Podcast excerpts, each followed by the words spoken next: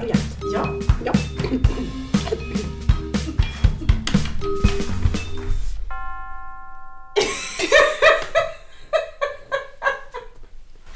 Ja. Så nu ska vi se. Ja. Nej, men du, Mm. jag har hittat en bok som heter Mini D5 Mm. eh, och den ges ut av American Psychiatric Association. Oh yes, indeed. Yeah! Och den har också undertitel DSM-5. Mm. Vad är det för skit?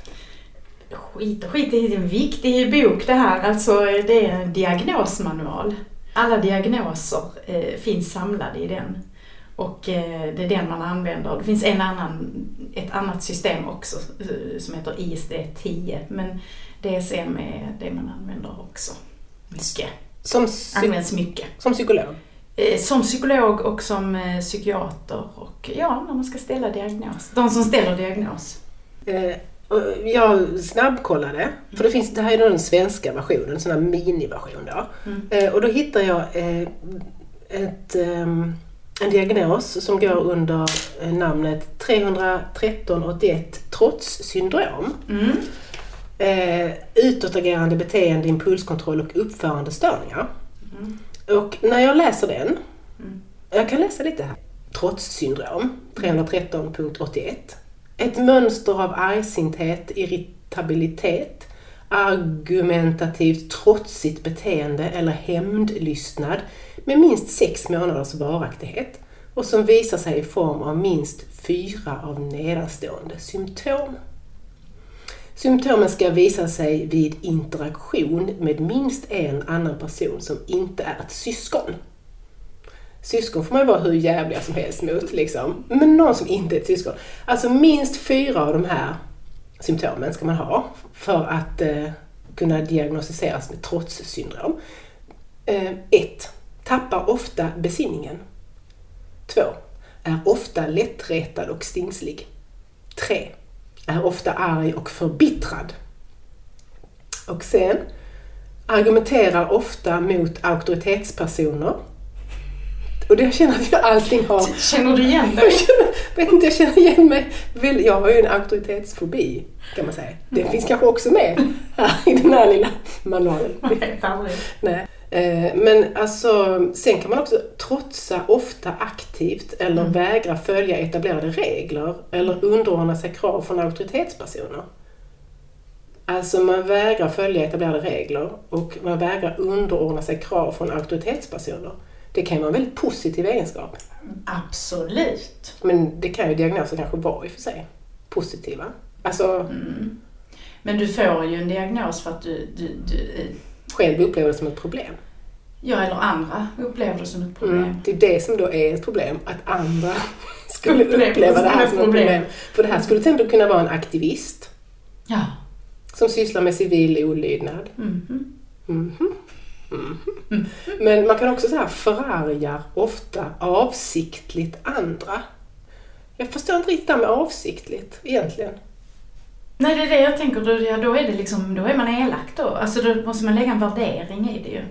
Mm. Alltså, och, och, och vem lägger den värderingen? Är det, är det, är det eh, de vuxna då, om det är ett barn som... Mm.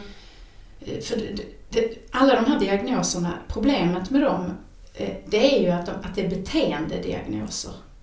Alltså andra diagnoser som läkare ställer, och vi psykologer också, kan man, fast inte vi psykologer kanske, men som läkare ställer, de kan ju göra att de tar ett blodprov och så får de ett mätbart värde. Och så kan de ut, alltså ser de det, ha du har diagnos öroninflammation. Liksom. Mm. Men det här kan man ju inte mäta, man kan inte, utan det, det är liksom beroende på beteendet. Och, så, och, och hur vi tolkar ett beteende. Därför är ju sådana här diagnoser väldigt eh, omstridda och, och väcker liksom mycket eh, frågor och funderingar. Och, Vad har man dem till då? Ja. Vad har man en sån här diagnos till? Ja men alltså alla diagnoser får man tänka så här, är en diagnos, alltså diagnoser finns inte i verkligheten. Diagnoser är teoretiska konstruktioner som vi har hittat på och som är liksom som en slags mall så här. Och sen så försöker vi ju trycka in verkligheten i den här mallen. Och så kallar vi det för trotssyndrom. Men det är aldrig någon som liksom uppfyller alla de här kriterierna. Nej, man behöver bara uppfylla fyra. Precis, så Mm. kanske det är, har man då fyra av sex stycken sådana kriterier så ja, okej, då, liksom, då kan vi kalla det för det här liksom. Och det är ju, det, liksom att vi vill göra så är ju också så här på något sätt djupt mänskligt tyvärr. För att vår hjärna är ju så förprogrammerad att kategorisera saker och ting och händelser och allt som vi, hela livet vill vi liksom vår hjärna få in i sådana här olika kategorier. Så det, det är liksom, det är någonting som eh, när vi, när vi står inför ett problem så vill vi liksom veta så här, vad är det här för något? Vad heter det? Vad är det för något? Och har jag, får jag då den, det svaret, aha! Han har bipolär sjukdom liksom. Ja men då förklarar vi hela hans existens liksom. Men vem... Och så känns, känner vi någon lättnad i det. Men egentligen så, så är det bara så att vi har bestämt att det finns något som heter bipolär sjukdom och som, som är, ser ut så här. Och här har vi en, där, ett, en människa där liksom verkligheten passar något sånär in i den här teoretiska mallen. Och då kallar vi det för det. Liksom. Mm, men vems är behovet då egentligen? Alltså du säger Mm. så att människan har behov av att Mm. liksom... Ja, det, det är ju mer, så här, mer övergripande. Mänskligheten. Precis. Men vem som, ja precis, för det kan ju vara att man har ett, behov, ett eget behov liksom. Men det kan ju också vara att omgivningen har ett behov Mm. av att eh, förklara den här, eh, det här eh, bråkiga barnet som vi inte förstår. Vad ska vi göra med det? Mm. Vi, vi, vi, har, vi har provat allt, vi vet inte, vi vet ingenting. Nu, nu får faktiskt psykologen komma här och göra en utredning så vi får veta om Kalle har ADHD. Och så känner Mm. man sig liksom lättad då om Kalle får ADHD. Mm. För att han passar inte den normala...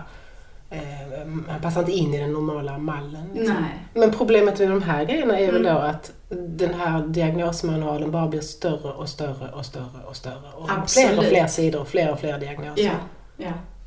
Det är ju ett jätteproblem. Diagnoser brukar jag tänka, för att jag, nu, jag måste ju liksom erkänna att jag ställer också diagnoser, eller har ställt diagnoser då och då.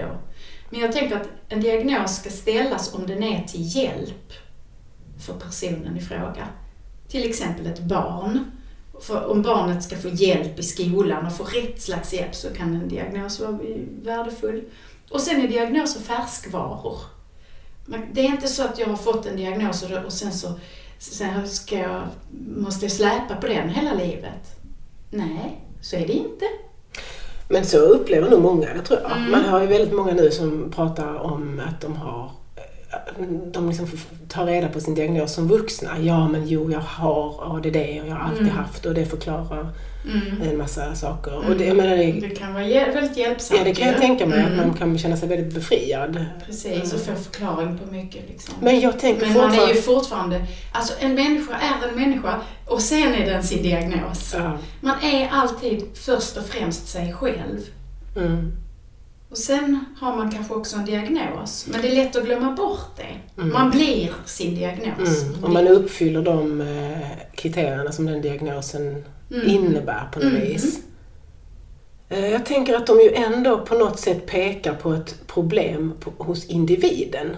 Det gör ju en diagnos. Och när jag tänker, om jag läser den här med eh, trotssyndrom 313.81 Ja. så, ehm, så undrar jag ju om det problemet ligger hos individen. Att man är, tappar besinningen, att man är arg och förbittrad, att man då har, eh, argumenterar mot auktoriteter. Det kan ju vara någonting i ens omgivande miljö och samhälle som gör att det är väldigt, väldigt bra Precis. att man gör det här. Ja. Eh, eller att man reagerar, att man blir väldigt, väldigt orolig eller tappar koncentrationen som barn i en väldigt, väldigt rörig skolmiljö. Alltså det är det jag menar. mm, Så det kan vara ett, ett, ett friskt, eh, en, frisk reaktion på en sjuk miljö. Eller hur? Mhm. Och om man då fortsätter att säga att eh, diagnoser är bra och yes, in med dem fler och fler. Frågan är hur förändringsbenägna vi är i ett samhälle då, tänker jag. Mhm. Kan det inte vara så att det konserverar? Jag har en teori! Ja, jag ser, jag hör hur det växer fram. Ja, ja. Det är min hjärna som arbetar. Jo, Alltså att det, diagnoser egentligen bara är ett sätt att konservera ett samhälle på något vis. Ja, och kanske också om man får lov att vara så dristig, eh, ett sätt att styra. Va? Mm. För att man bestämmer ju, och det var ju det som Foucault skrev om, alltså vi bestämmer vad som är normalt och inte normalt. Mm. Genom att diagnostisera, alltså Mm. sjukdomsförklara vissa beteenden. Och då kan vi ju styra och få bort sånt som vi inte vill ha. Till exempel eh, folk som inte gör som man säger. Nej, som jag då som har Mhm. auktoritet. Som tänker själva och Mm, sånt. som Det kan vi inte ha. Nej. Nej. Så det, därför har man ju ett väldigt ansvar när man ställer en diagnos. Och man får aldrig liksom Eh, man tar ju alltid in, eh, man sitter ju inte bara med den här listan och liksom bockar av så här, mhm, jaha, mhm. eller gör man det så är det ju illa, måste jag säga. Utan man tar ju ofta in då eh, eh, eh, observationer i verkligheten. Hur ser det ut på det här barnets skola? Hur är det där? Och eh, man går dit och man kollar och man intervjuar föräldrar och man intervjuar lärare och ja, sådär. Mm. När, om man- det är barn, om vi nu snackar barn. Det kan man ju hoppas att folk gör det. Ja, om man är vettig. Ja, jag tänkte så här, för att jag, i den här boken så hittade jag också ett kapitel Ja, vad trevligt och Ja. spännande. som heter så här, andra omständigheter som kan vara i kliniskt fokus. Och då är det så här, det är ett helt kapitel. Eh, och då står det så här, det här kapitlet omfattar andra tillstånd och problem som kan vara i kliniskt fokus eller som på annat vis kan påverka diagnostiseringen. Okej. Inte diagnoser då, utan andra tillstånd som beskrivs här i det här kapitlet. Mm. Ehm, och de har, de är liksom, den här delen av boken är uppbyggd på precis samma sätt som den övriga delen med små nummer då. Va? Och det här till exempel då eh, avsnittet andra omständigheter som kan vara kliniskt fokus, relationsproblem. Då kan man till exempel ha V61.8 kan vara en sån omständighet. Problem mellan syskon. Eh, interaktionsmönstret mellan syskon är, är inte så bra. Eh, vad ska vi se här? Det fanns andra som kanske var ännu tydligare. Jo, man kunde ha V63.30 relationsproblem till partner. Och så beskrivs då vad det är. Eh, man kan också ha problem med boende och ekonomi. Det är en rubrik här. V... Det, det, det är intressant. Det, här, det är som att man försöker täcka in hela Ja, livet. ja. Hela verkligheten Ja. försöker man fånga i en liten bok. Liksom. Och de, har samma, de är uppbyggda på samma sätt. V60.0, hemlöshet. Den här kategorin ska användas när frånvaro av fast boende inverkar på individens behandling eller prognos. Bla, bla, bla, bla, bla. V60.1, dåliga bostadsförhållanden. V60.89, konflikter med grannar, hyresgäster eller hyresvärd. Okej. Ja, men kan du förstå? Det här är helt sjukt. Problem med ekonomi. V60.2. Brister på mat, brist på mat eller drickbart vatten. Extrem fattigdom. Låg inkomst. Men är det sånt också, man, om, man, om jag förstår det rätt så är det, kan du ställa, du kanske ställer först diagnos F32 som är depression. Och så kan du kanske då lägga till V, vad det nu var, hemlöshet. Istället för att skriva hemlöshet så ska Mm. man då liksom försöka som man Mm. kolla upp här. Men vad kan hemlöshet vara? Då ska jag ha så här. Jaha, en person anses hemlös om den vanligaste formen för övernattning Mm. är på ett härberge, en värmestuga, ett skyddsboende, en offentlig plats. Men det här är ju helt bisarrt ju. Ja, Varför har man med det här i den här boken? men man försöker väl vara objektiv och vetenskaplig. Man försöker fånga verkligheten det- i någon slags teoretisk Och det är ram. det som är den hela blir- grundproblematiken ju, Ja, med det- diagnosställandet egentligen. Ja, det kan man ju säga på ett sätt. Så det jag läser nu det är ju liksom egentligen ett väldigt eh, symptom på hela den här boken på något vis kanske. Ja, det får du stå för. Det står, för man kan till exempel säga så här, Ja, jag måste få läsa de här. ja V, jag, jag har aldrig läst dem. Nej, nu har jag lite dålig utskrift här men V6290 livskris. Eh, Ja, men den har jag stött på. Eh, V62.4 inte, inte privat men utan i jobbet. Har du det? Har, inte, har vi inte alla haft en livskris? Jo, men det har jag nu faktiskt läst, eh, alltså diagnos livskris. Mm.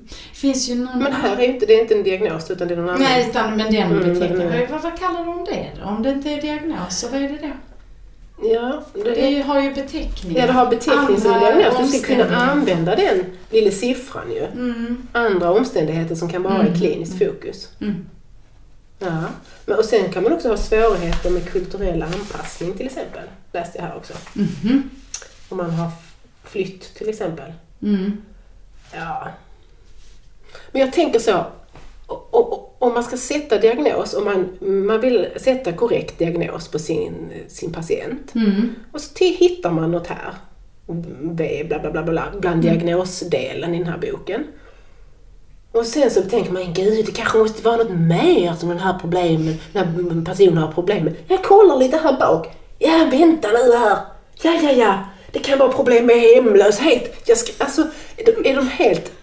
Vad är det för människor som använder sig av den delen av den här boken? Eller? Jag vet, alltså, jag, det, ja. Det är en bra fråga. men, men överlag så kan man ju tänka sig att, att det liksom eh, diagnoser kan fungera på det sättet att de kan liksom ge mer tyngd eller liksom förtydliga någonting så att, så att man på det sättet kan hjälpa någon att få hjälp någon annanstans. Mm. Eh, För, för, Men ja, Men man sätter väl också diagnoser, jag menar en psykiatriker eller en, en psykolog som sätter en diagnos så här. mm, Det gör man väl inte bara för att den personen ska liksom få hjälp någon annanstans. Mm. Utan man sätter väl på något sätt för att... Ja, man gör det ju också. Alltså, man kan också se det som arbets... Alltså hypoteser. Och det tror jag att det, det, det har gjorts mycket. Ehm, eh, och, och därför görs lite slarvigt av tradition. Alltså att man har, eh, man har någon hypotes om att ah, det, kanske han, det, kanske är, det kanske är hemlöshet eller nej, men det kanske är um, ångest. Alltså skriver man den diagnosen fast man, man, man har inte ställt diagnosen egentligen utan man har, man har bara skrivit ner den sådär. Och sen så fastnar den liksom där på pappret i journalen och hänger med hela tiden fast den egentligen kanske aldrig ställdes på riktigt. Jag läste en skitbra bok om Ja. min nya husgud, Karin Johannisson. Ja, Ja, dagens tips. dagens tips. Mm. Och den här hette Den sårade divan. Mm. Hon skrev ju om diagnoser, eller kanske hon, i den här boken i alla fall, om hysteridiagnos. Just det. Som i början på 1900-talet och fram till, jag tror den diagnosen var aktuell ända fram till 1970 eller sånt där. Men den sattes inte så mycket senare. Men hur kvinnor ju då fick den diagnosen, Mm. eh, hysteri.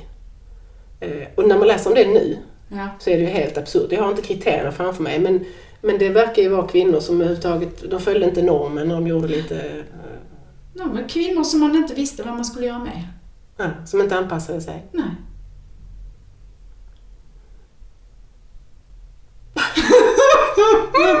Det är så hemskt.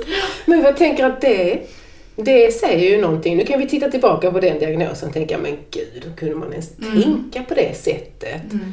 eh, kring kvinnor? Mm. Eh, och då finns det naturligtvis en massa i vårt diagnostiserande idag Som man kommer att tänka som så. är helt absurt. Ja, ja. Och det är ju för att diagnoser, och det är det hon skriver om, diagnoser speglar ju samtiden. De är liksom en, ett, eh, ett avtryck Mm. av den tid vi lever i. Liksom. Och det är därför som diagnoser inte, det, det, det, det är det jag säger, de är teoretiska konstruktioner. De, de förändras hela tiden. De kommer och går liksom, det är Mm. färskvara. Mm. På gott och ont, kan man säga. Ja, det är väl tur att de förändras. Ja. Men, men, ehm, Men- men man det- kanske ska studera ett samhälle utifrån de diagnoser som finns på något vis. Ja, det säger ju mycket. Ja. Liksom. Och det gör en ju Och det lite kultur. beklämd eftersom diagnoserna blir fler och fler och normaliteten känns som att den blir snävare och Ja. snävare. Ja. Liksom.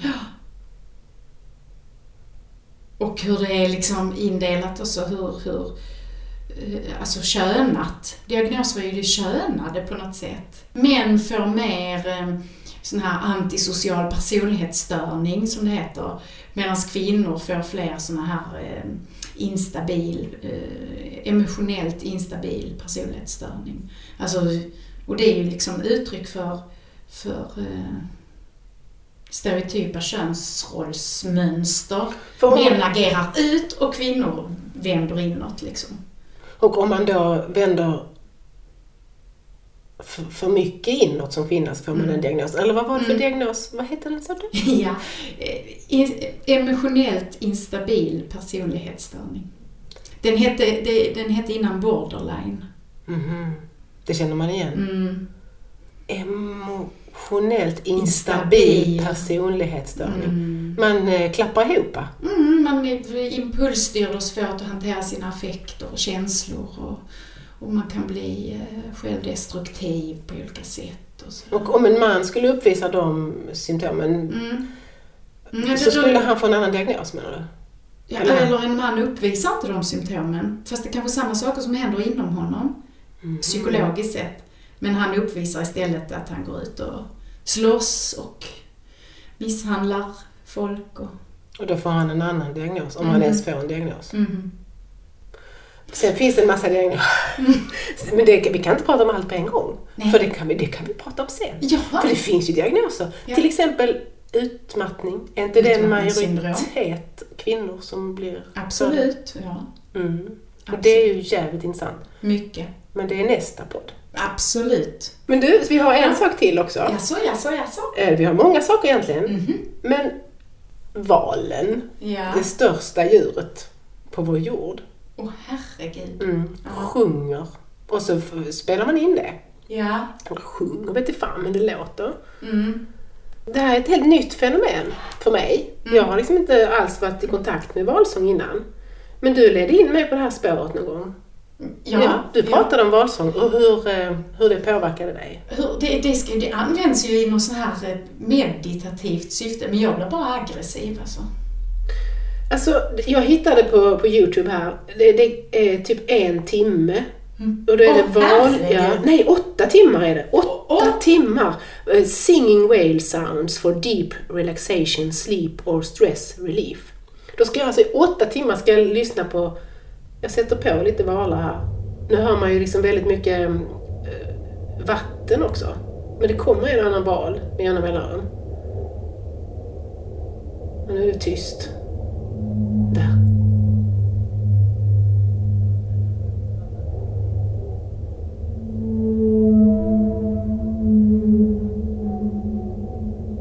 Ja, kan du fatta? Åtta timmar ska jag lyssna på det här.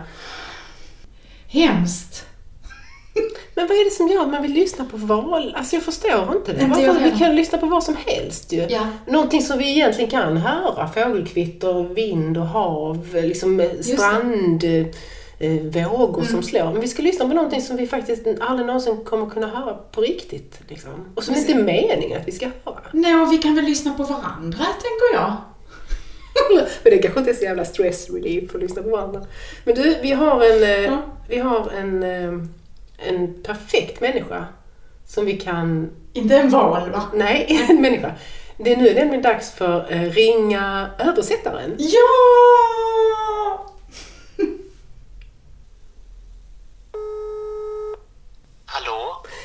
Bosse, Hej! nu vi ringer eh, översättaren. Jaha, oj, jaha, ja, ja. Det är du. Är det jag? Ja, det kanske det är. Ja, det är det. Du, eh, Karin och jag, vi sitter här och. Hej, översättaren. Hej, psykologen. Men, men du, har du, har du lyssnat på valljud någon gång? Ja, jag lyssnade lite nu. Men du, alltså de här valljuden, mainstream-valljuden som vi har hittat här nu, de, de ska användas för en sån här eh, avslappning. Det är åtta timmar eh, valljud har jag hittat. Wow. Har du Mm. prövat det där? Eller har ni prövat det? Nej, Ja, jag blir aggressiv. jag tror jag kommer somna direkt. Varför det? Jag vet inte, det bara börjar krypa hela kroppen på mig. Det är för att du inte förstår dem. Jag kanske har trotssyndrom. Mm. Ja, det är något fel. Det finns ju två situationer jag kan erinra mig när det har använts i populär, alltså komedier, i sitcoms. Och båda gångerna är det som någon slags avledande manöver för att eh, vilseleda någon person som försöker göra, eller som har blivit utsatt för någonting eller ja, som försöker hävda sin rätt. Så då sätter man på valljud. Då sätter man på valljud och då blir det lätt det här hippieflum, new age, att man, då, blir, då kommer det automatiskt in att man ska driva med hela den kulturen. Att, eh, ja, nu ser ni vad det är för slags människor. Det är typ bara tryck bort alla dumma känslor och på med lite valljud bara så ska ni se att det löser sig. Det är så det är därför du blir aggressiv. Och